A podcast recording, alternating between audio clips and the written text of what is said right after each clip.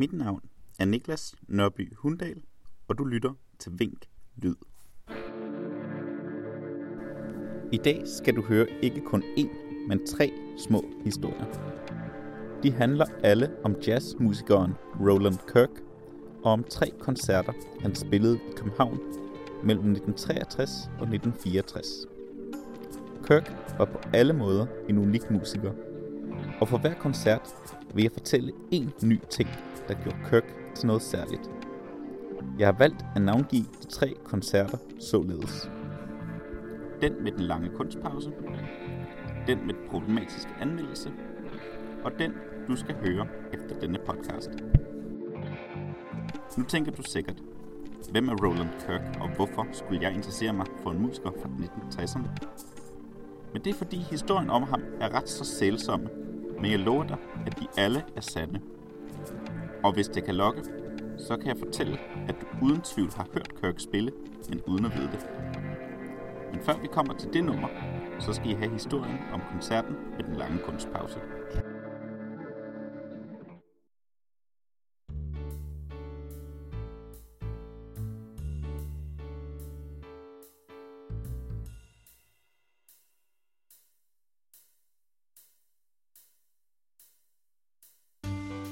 København var i 60'erne ikke kun Danmarks hovedstad, men også verdens uofficielle jazzhovedstad.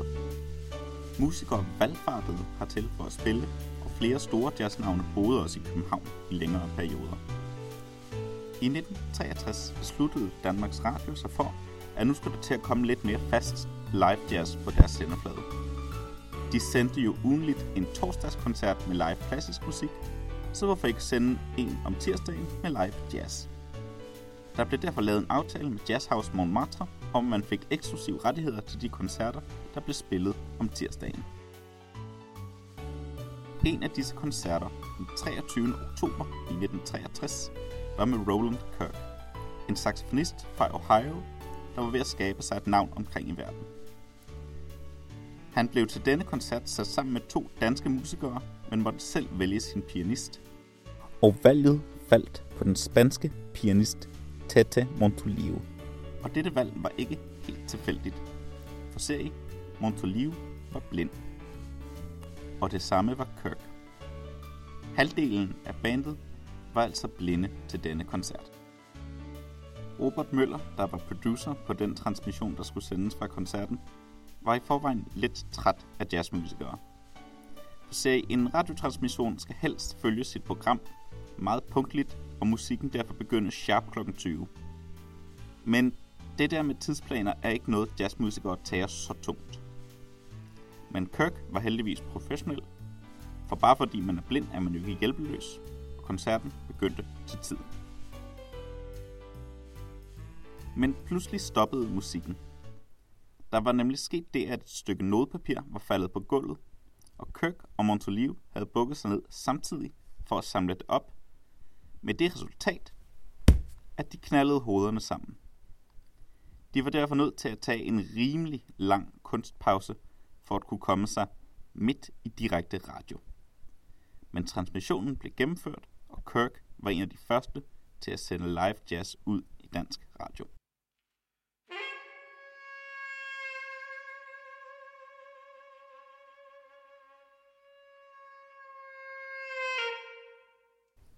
Kirk var altså en blind musiker. Han var dog langt fra den første, for som sagt er man ikke hjælpeløs af den grund. Men det er kun den første særlige ting ved Kirk, for vi skal nu høre om koncerten med den problematiske anmeldelse. Og jeg lover jer, at I kender denne anmelder, som vi møder lige om lidt.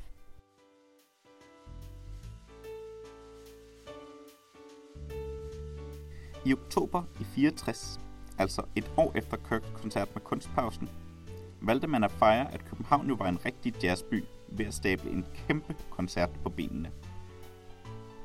Alle de store navne skulle komme og spille. Miles Davis, Herbie Hancock, Wayne Shorter og også Roland Kirk. Koncerten skulle vare fra morgen til aften og blev en forløber for Copenhagen Jazz Festival. KB-hallen var fyldt, og musikerne spillede løs hele dagen. Politikken havde sendt deres dygtige jazzanmelder, nemlig den uforlignelige Jørgen Let, og han hørte alle 10 timers koncert.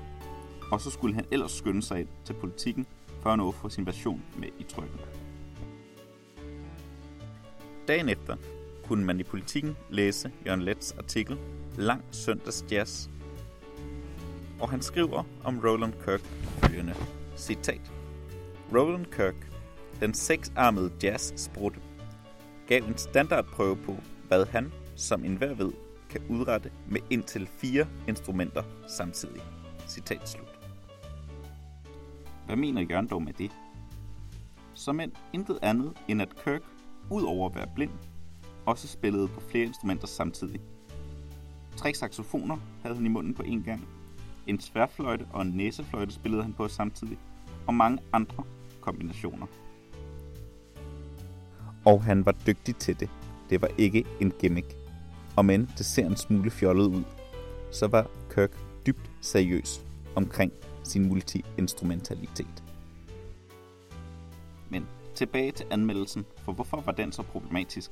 Det var jo ikke en streng anmeldelse. Jo, som end fordi koncerten aldrig fandt sted. Jørgen var taget fra KB-hallen lige før Kirk gik på, og Kirk nåede i mellemtiden at aflyse i sidste øjeblik, da hans bassist var træt efter at have spillet hele dagen. Jørgen undskyldte sig med, at han jo lige havde hørt Kirk i Montmartre. Men sagen er den, at sidst Kirk spillede på Montmartre var i 63, så for et år siden. Jørgen fortæller altså lidt en røverhistorie for at dække sin røverhistorie-anmeldelse. Ups, hvad? Og sjovt nok er Kirk ikke nævnt med et eneste ord i hans 672 sider lange bog med erindringer. Jørgen synes åbenbart, at det her var helt utroligt pinligt.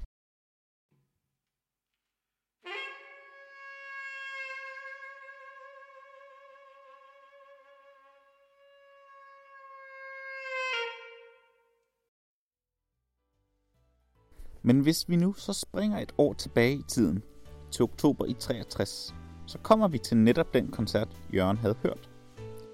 For i samme uge som koncerten med den lange kunstpause, spillede Kirk en til koncert på Montmartre.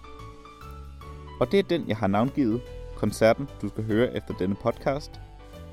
For det skal du, for den koncert er efter min mening helt spektakulær. Der var dog lavet nogle små ændringer. Nogle ting var lidt anderledes ved denne koncert. For eksempel havde de ændret opstillingen, så der ikke var nogen far for, at Kirk og Montelio slog hovederne sammen igen. De havde også en anden trommeslager, og denne koncert skulle også optages. Men det var for at blive udgivet som en plade, og den plade kom til at hedde Kirk in Copenhagen. Og nu kommer vi til mit sidste fakt om Kirk, at han ikke kun var blind og multiinstrumentalist, men også instrument bygger. Han byggede simpelthen sine egne instrumenter, for at kunne spille på flere af gangen, og blive et veritabelt enmandsorkester. Her kan I høre ham fra koncerten præsentere nummeret Mood Indigo. We'd like to carry on by playing Mood Indigo, featuring all the instruments simultaneously. Uh, the Monzello on the right will be playing the first alto part. The Stritch in the middle will be playing the first tenor part. And the tenor sax won't be playing the baritone saxophone part. And the flute will be taking all the solos. So we join all the horns in one mouth and we make Mood Indigo. Ene mand kan han erstatte en hel big band sektion, og jeg må desværre ikke spille den rigtige udgave, men en dårlig gengivelse lyder cirka sådan her.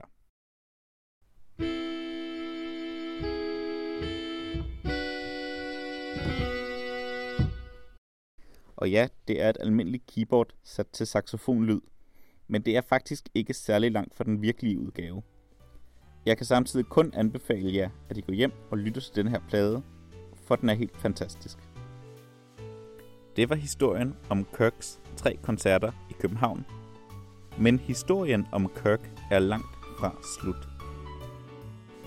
Kirks liv fortsætter på alle måder med at være noget helt særligt.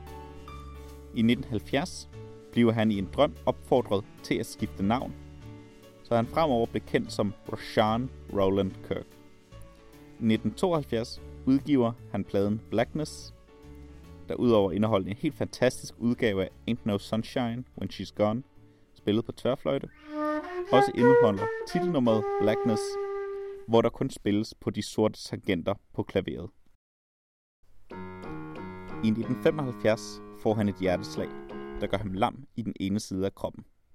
Men da sådanne småting slet ikke stopper en så determineret person som Kirk, fik han modificeret sine saxofoner, så de kunne spilles på med kun én arm. Og det lykkedes ham faktisk også at komme til at spille på to saxofoner på én gang, trods lammelsen i halvdelen af kroppen. Han døde i 1977 af endnu et hjerteslag, men hans talent og musik lever videre. Som jeg sagde helt i starten af dette podcast, så har I formentlig alle sammen hørt Kirk spille. Han spiller nemlig førstefløjten på Quincy Jones' Soul Bossa Nova, som de fleste af jer kender som temaet til Austin Powers.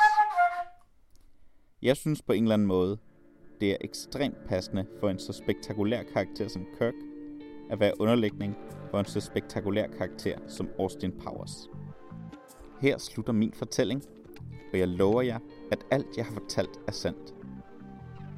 Eller alt undtagen én ting. Hvilken det er, det kan I høre, hvis I kommer til Vink Lyds radiobiograf. Tak fordi I lyttede med. Mit navn er som sagt Niklas Nørby Hundal, og I har lyttet til Vink Lyd.